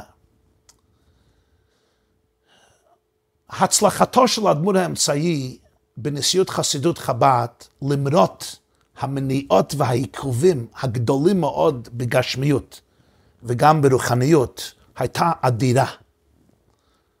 ההשפעה שלו, הקירוב שלו, האהבה שלו לחסידים, התורה שהוא גילה, זה היה נפלא מאוד, והייתה בהצלחה מאוד. אבל כמו לאבא, ביקש יעקב לא שבשל וקופץ עליו לוגזר של יוסף, הייתה מלשינות מסריחה נגדו ודווקא מקרוב משפחה. וגם מקרוב של אחד מהחסידים הגדולים שלו, בן אחתו של פנחס רייזס, והלשינו עליו שהוא עשה משהו שזה, אתה יגיד, זה, שהוא גנב המון כסף. גנב המון כסף לעצמו. וגם שולח כסף כדי לכבוש את, כדי לעשות מרידה נגד רוסיה. כמו שאמרו על האבא שלו. הייתה מלשינות כבדה, אבל ממש זה היה שייך לדמות אמצעי, כמו שאני אגיד ש, שעכשיו אני מדבר לכם מהפלנטה מרס, ג'ופרה, אני, אני נמצא על מאדים ואני מדבר אליכם, כן? עוד, המלשינות לדמות אמצעי הייתה פחות ריאליסטית ממה שאני אומר לכם, שאני מדבר לכם ממאזל מאדים, שאולי עוד מעט יהיה קצת ריאליסטי עם, עם ביזוס. אבל המלשינות הצליחה, ואסרו אותו. הוא סבל ייסורים גדולים מזה, ובי' כסלו,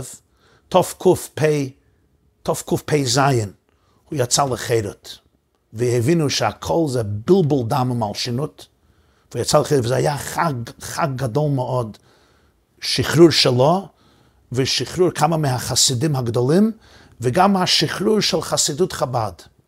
שאצל החסידים היה נחשב כאילו שזה היה קטרוג משמיים שירד, על הגילויים המיוחדים של אדמו"ר האמצעי.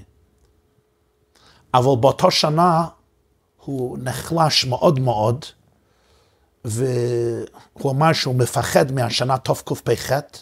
הוא נסע לציונו של אבא בהדיץ', אדמו"ר הזקן, בדרך חזרה לאחרי ימים נוראים, הוא אמר המון חסידות בבית הכנסת. לפני הציונים הולכים להדיץ', אדמו"ר האמצעי בנה בית כנסת ממש לפני שנכנסים למקום הקבר. הבניין הקטן שם בהאדיטש זה בניין שהוא בנה. שיפצו את זה, אבל זה הבניין שלו ממש באותו ציור. אז הוא אמר שם המון חסידות. לאחרי החגים הוא חזר, רצה לחזור ללובביץ', אבל הוא נחלה. אז יש ארבע שעות נסיעה מנייז'ן, כמעט ארבע שעות היום ברכב, אז היה הרבה יותר.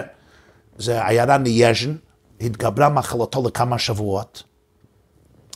ובט' כסלו, תקפ"ח, עלתה נשמתו למרמים. ידוע שבימים האחרונים הוא היה שכוב במיטה על ארז דווי. יש מכתבים שהוא כתב כמה ימים לפני פטירתו, הוא עוד היה יכול לכתוב, והוא עוד קיווה שיתרפא.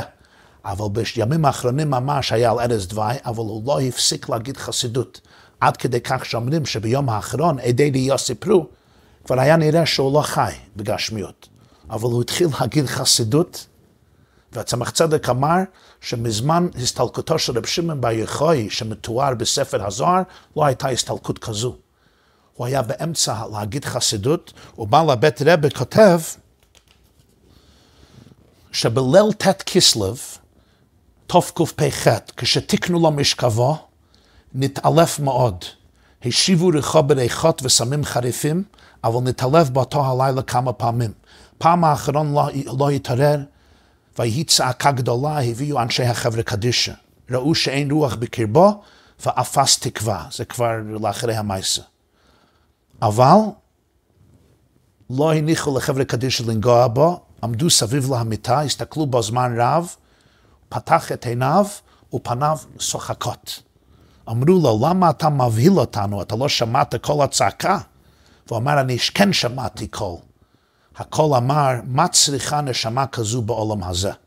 הוא ביקש שילבישו לו כתונת לבנה, לבש לבנים, נתעטף לבנים, והיה דומה למלאך השם צבאות. התחיל לדבר טוב על כללות אחינו בני ישראל ולהכריעם לכף זכות.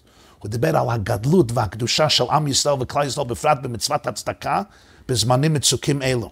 אחר אחר כך ביקש שיהיו בלילה זו בשמחה, כי שמחה ממתקת דינים. ביקש להזמין החסידים, והתחיל להגיד חסידות זה בליל ט' כסלו, ונטמע לכל הבית אורי ושמחה. והיה שמחה באנשי שלומנו כמו חתונת דודים, כי כולם סברו שהוא יחזור לאיתנו. היה בשמחה כל כך גדולה, ברגש, והתחיל להגיד חסידות, חשבו שהסכנה עברה והוא יחזור לאיתנו. ואמר לאחד מהניצבים עליו, אני אגיד חסידות, תשגיח אליי בעין פתוח, כי יכול להיות שאתנמנם, ואז תיגע בי בידך ואתעורר. הוא אמר שלושה פעמים חסידות, שלושה מאמרים. שתיים, שניים מאמרים היו על הפסוק אחרי השם תלכו, המאמר השלישי היה על הפסוק זכר רב טובך יביעו. אומר, זה דרוש של אדמו"ר הזקן, אבל הוא יסביר את זה. היה דורש בהתלהבות עצומה, כמה פעמים שאל אם העיר השחר, זה ט' כסלו, פ"ח. קודם עלות השחר, הוא סיים את המאמר באלו הדברים. כי עמך מקור חיים מחיי החיים. הוא הפסיק ופרחה רוחו ונשמתו לעולם העליון, בחד כתירי התכתר בי בקודשא בריחו. ואדמו"ר הצמח צדק אמר שזה היה אותו הצטלקות כמו שהיה לרב שמעון בר יחוי. כתוב בזויר שרב שמעון בר יחוי אמר תורה על הפסוק כי שם ציווה השם את הברכה חיים עד העולם בל"ג בעומר ולא סיים להגיד המילה חיים עד שרב שמעון בר יחוי נפטר לבית עולמו. זה היה ביום ט' כסלו תקפ"ח, אותו יום שנולד בו. נתמלאו לאדמו"ר האמצעי נ"ד שנה מיום ליום. גמרא אומרת בראש השנה, הקדוש ברוך הוא ממלא שנותיהם של צדיקים מיום ליום, ובעצם היום הזה, ט' בכסלו תקפ"ח, הובא לקבורות ונגנז ארון הקדוש, ארון הקודש בעיר נייז'ין, בבית החיים בעיר נייז'ין, ששם מנוחתו כבוד. גם זכיתי להיות בהאדיטש ואחר כך לנסוע עם הרבה תלמידים לנייז'ין. כמובן בשנה ההיא חג הגאולה מאוד אה, לא היה שמח כי זה היה שנת ההסתלקות, אבל בשנים שאחר כך בט' כסלו חוגגים את יום הולדת ואת יום ההסתלקות של האדמו"ר האמצעי, ובחג הגאולה, י' כסלו חוגגים את חג הגאולה של רבנו האמצעי, זה שגילם את המיזוג הנפלא ואת החיבור המיוחד בין שמיים וארץ, בתור הכנה לאותו יום גדול שבו ימלא הארץ דיית השם כמים ליום מכסים במהרה בימינו, אמן. אוקיי, okay. כן, אז uh, מישהו, מישהי שאל למה הוא נקרא אדמו"ר האמצעי, אז אני אמרתי בשיעור, כי הוא היה באמצע בין אדמו"ר הזקן ואדמו"ר הצמח צדק, כי זה נקבע השם. כמובן, כשהוא היה הרבה, לא קראו לו אדמו"ר האמצעי, קראו לו הרבה. אבל, אה, אבל um, um, לאחר כך קראו לו אדמו"ר האמצעי. יש גם טעם פנימי יותר, אם אתה רוצה ללמוד את השיחה של האדמו"ר מלובביץ' שבס ויצא ט' כסלו תשנ"ב, הוא ביאר טעם פנימי. למה? הוא נקרא אדמו"ר האמצעי, וזה מעניין, יש גם מכתב מאבא של הרבי, בלקוטי לוי יצחק איגרות קודש, שם הוא מסביר את המהות של האדמו"ר האמצעי על פי קבלה, והוא גם אמר למה צמח צדק אמר אם יחתכו אצבעו, למה אצבעו, למה לא חותם, למה לא גולגולת, למה לא אוזן, הרי אפשר לחתוך, למה אצבעו? אפשר לחתוך גם ברגל. אז הוא הסביר כל עניין על פי קבלה, וזה לא בשביל השיעור הזה, אבל לכן הוא נקרא אדמו"ר האמצעי. אבל בחרתי, יש ספר איגרות קודש, אדמו"ר האמצעי, שהרב שלום בר לוין הוציא לפני כמה שנים, מהדורה חדשה. אז אני בחרתי חלק ממכתב אחד, רציתי ללמוד משהו בפנים על י' כס בי' כסלו, זה עת רצון גדול, זמן של גאולה, זמן של שמחה.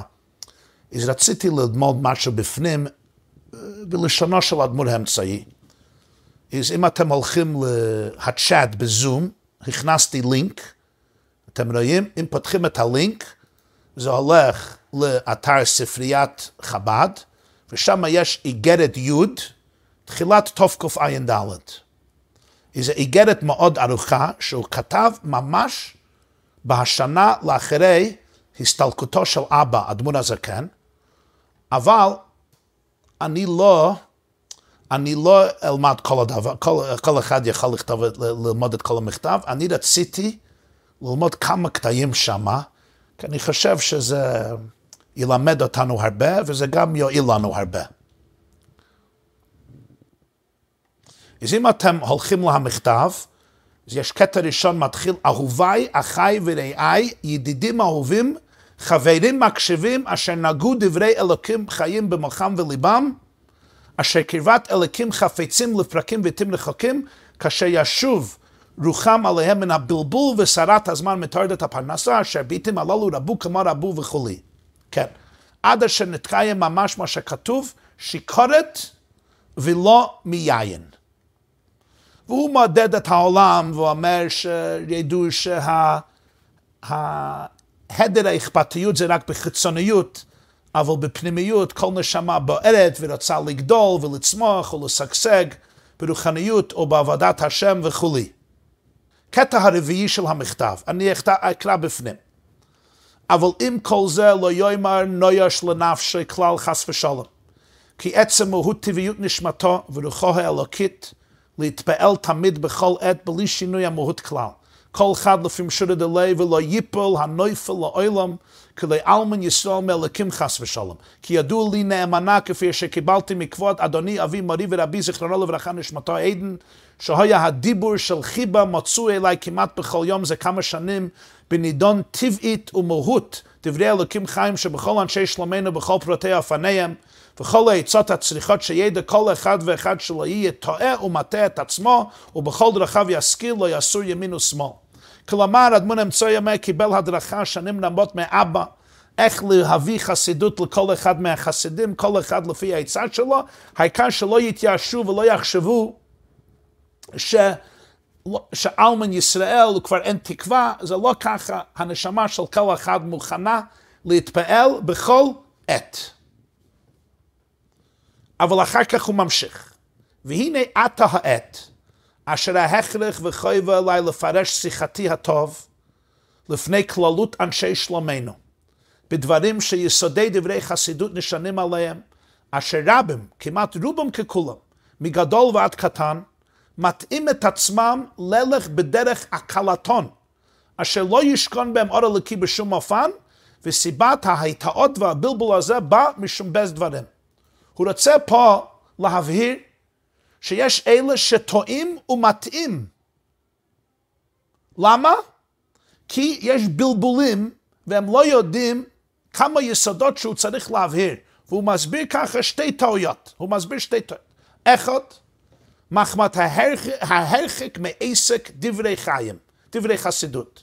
הגם ששם הרבה, אבל מפני מיעוט העסק וטרדת העולם, אשר גורם להקבלה והקליטה שלא יוקלט בנפשו בלבבו, באופן הנאות לפי אמת לאמיתו, שלא נודע לו מה לעשות בזה. כאשר שאלוני כמה וכמה חכמים ונבונים, מה לעשות בתפילה בכל אשר שמע והבין דברי אלוקים חיים? הרי אין לו חיבור מה ששומע או מבין לעניין העסק בהם כלל וכלל. פה הדמות האמצעי מתאר משהו מאוד מאוד חזק, משהו נפלא. הוא אומר, יש אלה, הם למדו הרבה, שמעו הרבה, אבל זה לא נקלט והם לא יודעים מה לעשות בזה. זה רעיונות. אבל שאלוני, הוא אומר, מה אנחנו צריכים לעשות עם האינפורמציה הזו?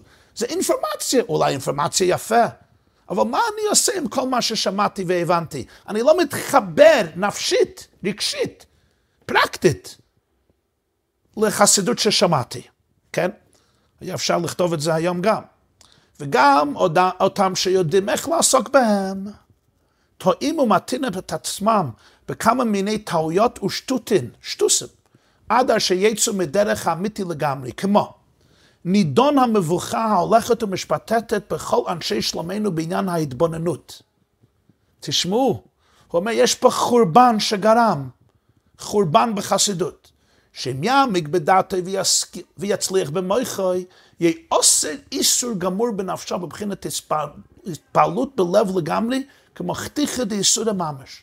אנשי חב"ד התחילו לחשוב שאפילו אם הם מבינים, אסור שהם יתרגשו מזה, אסור שהם יתלהטו מזה, כמו חתיכא דייסורא, אסור לבטאות רגשים, אסור להתפעל, משום כמה טיימים כלולים שנדמה לו על פי השמוע שההתפעלות תפסיד ההשכלה.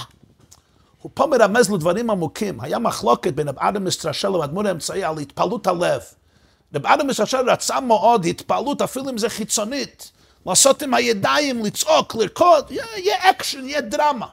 מול האמצעי הייתה לו שיטה אחרת. זאת אומרת, עכשיו לקחו את זה בקיצוניות, וחשבו שאני חושב שחסידות אמיתית מאמינה שהתפעלות מפסידה השכלה. אם אני מתפעל ממשהו, פירוש שזה לא שכל, זה לא אינטלקטואלי מספיק.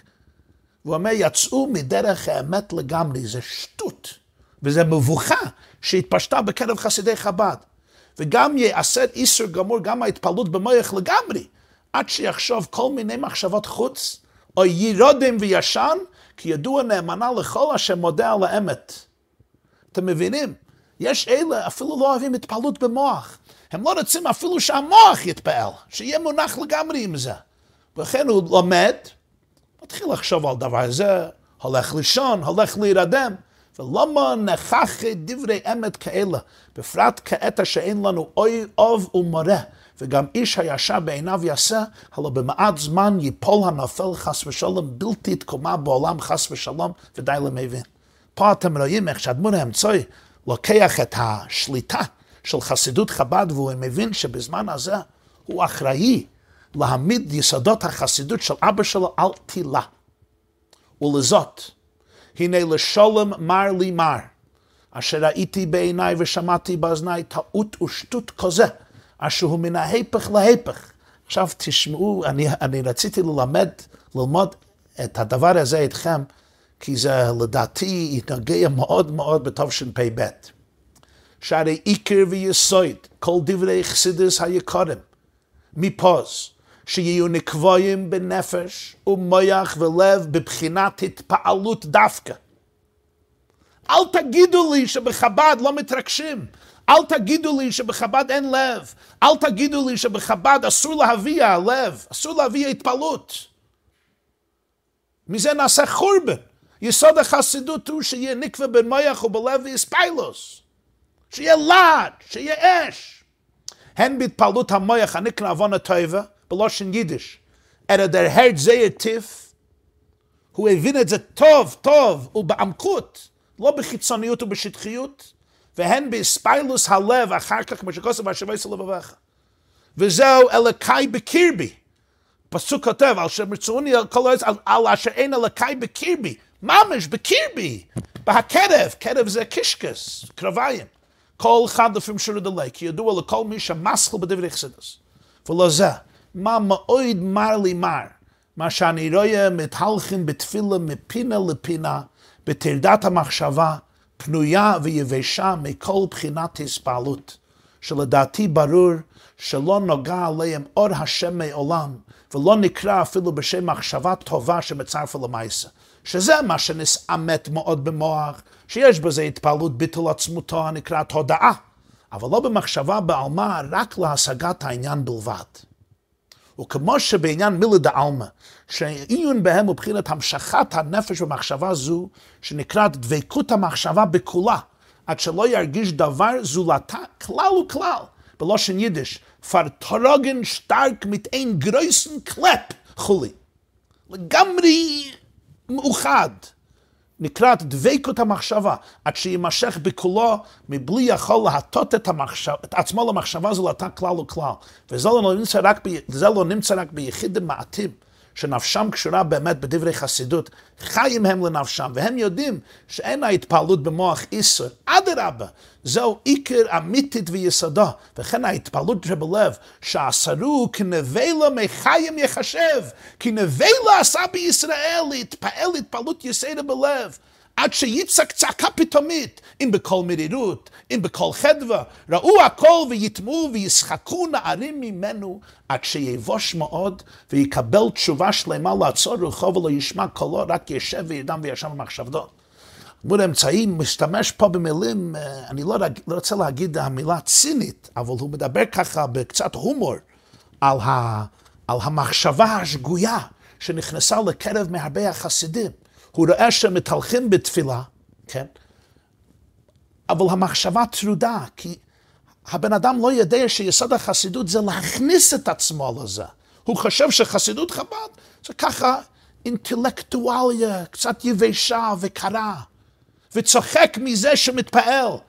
עושים צחוק, זה לא חסידות חב"ד, זה חיצוניות. והם לא יודעים שיסוד החסידות, זה אפילו, הוא אומר, זה, התפעלות במוח וגם בלב. זה לא שאין לב. שהלב חדור בעניינים אמיתיים ופנימיים, לא עכשיו חס ושלום שאין לב. פעם מתוועד איתנו רבי יואל קאן, זכרנו לברכה, הוא אמר לנו שיש אלה שחשבו שחסידות חב"ד לעומת חסידות חג"ת, חסידות חג"ת, חסידות פועלת זה עיקר התפעלות, חסידות חב"ד זה אינטלקטואליה, וזה הגיע מרבי יואל קאן, שהיה מסקל. אז הוא אמר לנו שזו טעות נפלאה, וזה במכתב הזה. חב"ד פירוש לא שאין התפעלות, להפך, הוא רוצה שההתפעלות יחדור לעומק הלב, על ידי זה שהבן אדם חדור לזה לגמרי. בעצם הנפש ובחוכמו, בבינו, בדת, להפך, שיהיה יותר התפעלות, לא פחות התפעלות. זה מה שהוא אומר. זה אפילו לא מחשב טובה, מחשב טובה אומר פירוש, שאפילו אם אני לא מרגיש, אבל אני עוסק לזה לגמרי. יש ביטול עצמוסה. הוא אומר, כולם יודעים להגיע בביזנס, מילה דה עולמה, שהוא נעשה לגמרי עסוק בזה, הוא לא מרגיש שום דבר, דבקוס המחשבה. וגם זה הם לא עושים, כי אסור, אני, אני לא נעשה דבוק כל כך. אני צריך להישאר מנותק, אומר זה לא חסידס. כל החסידות זה אספיילוס. שאתה לגמרי שקוע בזה, הן במוח והן בלב. אומר, הם אסרו התפעלות בלב כמו נווה למחיים, נבוא לעושה בישראל. ואם מישהו צעק, אם מישהו אומר משהו גבוה בתפילה בקול רם, מרירות או חדווה, מתחילים לצחוק ממנו. והוא מתבייש, צריך לעשות תשובה. מה התשובה? התשובה הוא הולך לישון. הוא נעשה אינטלקטואל, נעשה משכיל, הוא כבר באמצע מחשבות, כבר לא יביע שום דבר, כבר לא יהיה להט, לא יהיה רגש, חס ושלום שיתפלל בקול, חס ושלום שיתפלל עם הלב. אז מה הוא עושה? מה התמורה לזה? התמורה לזה? מה, מה? מסתכל על מה שכתוב על השולחן, על זה, התחיל הולך לדבר, או הגמור הזה כן אמן. יש וירודם ויושן במחשבתו. עכשיו הוא חב"ד, חב"דניק. זה מה שהרדמון האמצעי מתאר בתקע"ד. ועתה אהובי, על מי האשמה הזאת להודיח רבים מאיסאיררוס בלב להוויה אחד? על מי מוטלת האשמה הזו שאנחנו מודחים מהתעוררות הלב, אם בתשובה בבחינת מרירוס, ומכל שכן בספיילוס הלקיש שבלב מצד איזה ביננוס, יהיה איך שיהיה לפעמים שיעור דלי, לכל אחד זה שונה, אבל שיהיה משהו. הלוא על ראשי עם שבכל מניין, האשמה מוטלת על הראשים, הבקיעים יותר בדברי חסידס, שבוינין מגדל במחשבתם לאסור ההתפעלות מכל וכל. ועל זה היה דובר לב אדוני אבי מודי ורבי ז"ל, זכרן לברוך נשמוס ידן, כל ימי חייו. כי רבים חלולים הפילו, ועצומים מאויד כל הרוגיה, שנופלו מאויד ויורדו למטה מטה, עד שאומרים נויש לנפשם לגמרי ודי למבן. מילים כדרבונות, אומר על זה היה דווה לב אדמו"ר הזקן בעל התניא, כי גישה זו רבים חללים הפילה. זה לא גישה אמיתית, זה לא גישה נכונה, שצריך לרפא את הנפש, שצריך למזג את הנפש, צריך לחבר בין מוח ולב ומעשה. ומה קורה, הוא אומר? אנשים נופלים ואומרים, אני מיואש, אני לא שייך לכל העניין הזה. לא לימדו אותם איך שאתה כן שייך, שזה החיים שלך.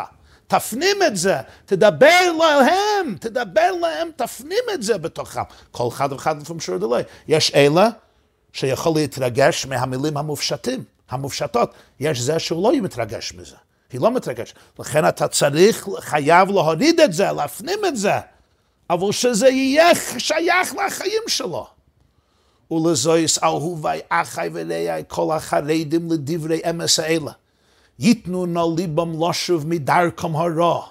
הנויטה ומטה לאודם לדרכי הנפילה מעט מעט כי בחושך יסלחו כי נוטו מדרכי האמס חס ושלום. חי השם וחי נפשי כי כל יוידי ומכירי מנעורי אשר כמו טבע הוטבע בנפשי כל עניוני דברי חסידס והורגלתי בהם ביותר ואני בוקי באנשי שלומנו בכל פרטי דרכיהם ממי נעורי לא יזוז דיבור של חיבה בין אהובי ורעי אשר כנפשי מכל עיר ומניין. הנראה להם ונשמע להם מפי עצמי דובר הרע הזה המקלקל ומפסיד את הכל.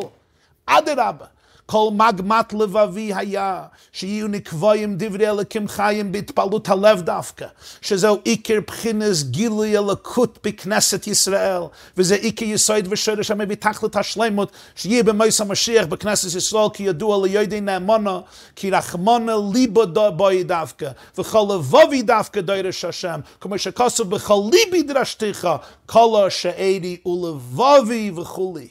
אז אלה שחושדים אותו, שהוא כאילו ניתק את הקהל מהתפעלות הלב, הוא לא מאמין בהתפעלות הלב. הוא חב"ד, הכל אינטלקטואלי, אומר, מה אתם, אתם, איך אתם יכולים להגיד זה? בנפשי אני חי עם זה. אני מכיר כל אנשי שלמנו, כל החיים שלי לא יזוז דיבור של חיבה. מה זה, מה, זה מה שהסברתי לו, שהדמות האמצעי היה מוסר בכל נפשי לאהבת ישראל ולאהבת כל אחד ואחד מתלמידיו של אבא. וכל מגמת לבבו הוא שדברי אלוקים חיים ייקבעו בהתפעלות הלב, עיקר גילי אלוקות בכנסת ישראל. רק סיבת הטעות הזה, מאיפה זה הגיע? מאיפה הגיע הבלבול הזה? רק סיבת הטעות הזה בא לחסדי הדעת והשויטים בדברי חסידס, מפני מיעוט הידיעה, אשר מפי השמועה, אחד מחברי נוידל להם הכלל, שהאספיילוס פסורית, שההתפעלות פסורית המורגשת בלב, הוא מדרכי החסידות הישנים, אשר אוסר לגמרי פיגול הוא לא ירוצה. ובאמת מאוד טעו, ותח עיניהם מראות עיקר ההפרש הגדול ממחשך לאור, אשר באמת ההתפעלות המורגשת בלב בצעקה גשמית, בלי כוונה כלל וכלל, רק להרים קול, על זה נאמר, נתנה עלי בקולה, על כן שנאתיה, כי ליבוי בל עמו כלל בצעקה הזאת. ולא על זה נאמר, צעק ליבם אל השם, ויצעקו אל השם, כי לא אל השם הוא צועק, רק להשמיע קולו או לדחות מחשבה זרה או כאי גבנה. וגם אם מחמת יחם לבבו ויבוא לכלל התפעלות ממש בלב, אין זה רק, אין לזה להשם רק פרינת התגלות ליבו לבד, כאשר ידע על האמת כל איש המורגל בזה. וואו.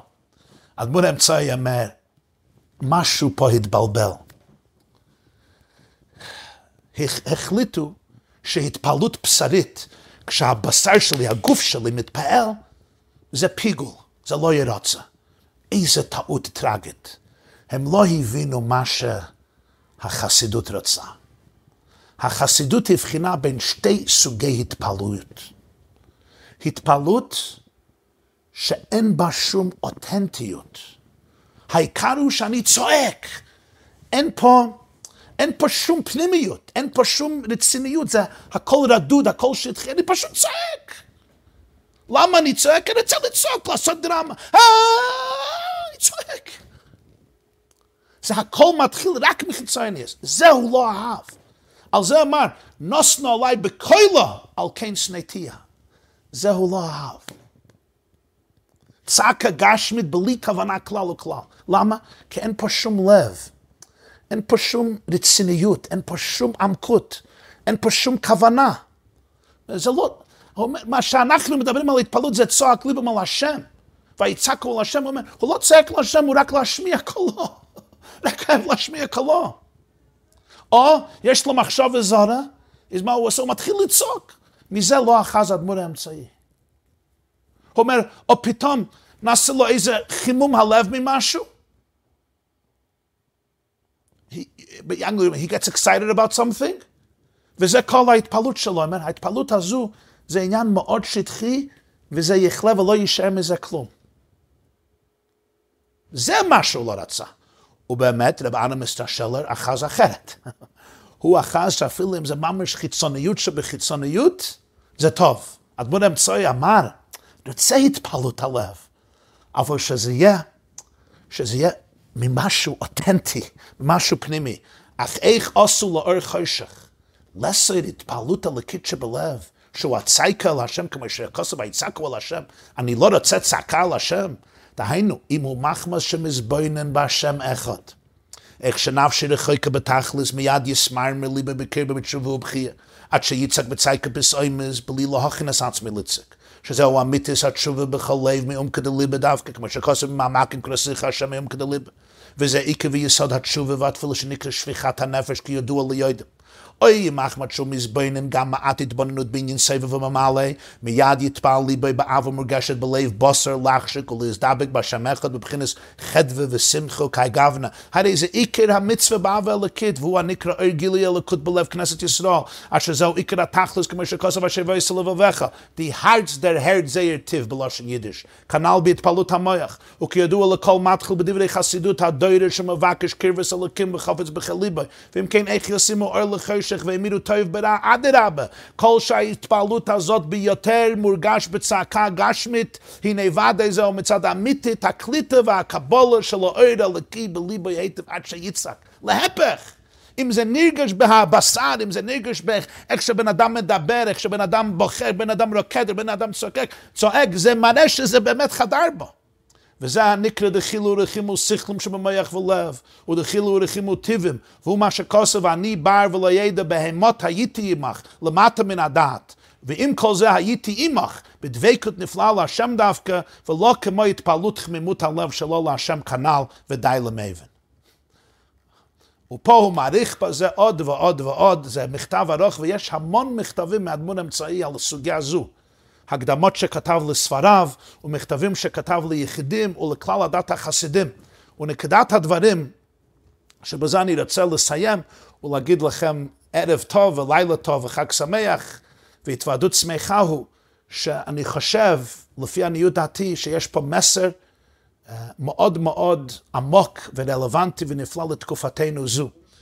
כי אני שומע מהרבה מהתלמידים שלנו, התלמידות שלנו, אברכים, לומדים חסידות הרבה שנים.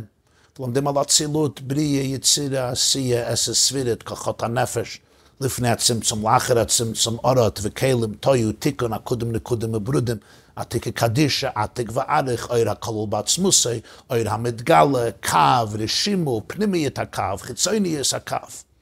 ולומדים ומתעמקים בזה, ורוצים להבין, ויש אולי שיעורים טובים לפעמים, אבל אחר כך אתה שואל אותם, למי נפקא מינה? למי נפקא מינה? איך זה קרוב אליך הדבר מאוד? איך זה קרוב אליך? ולא יודע.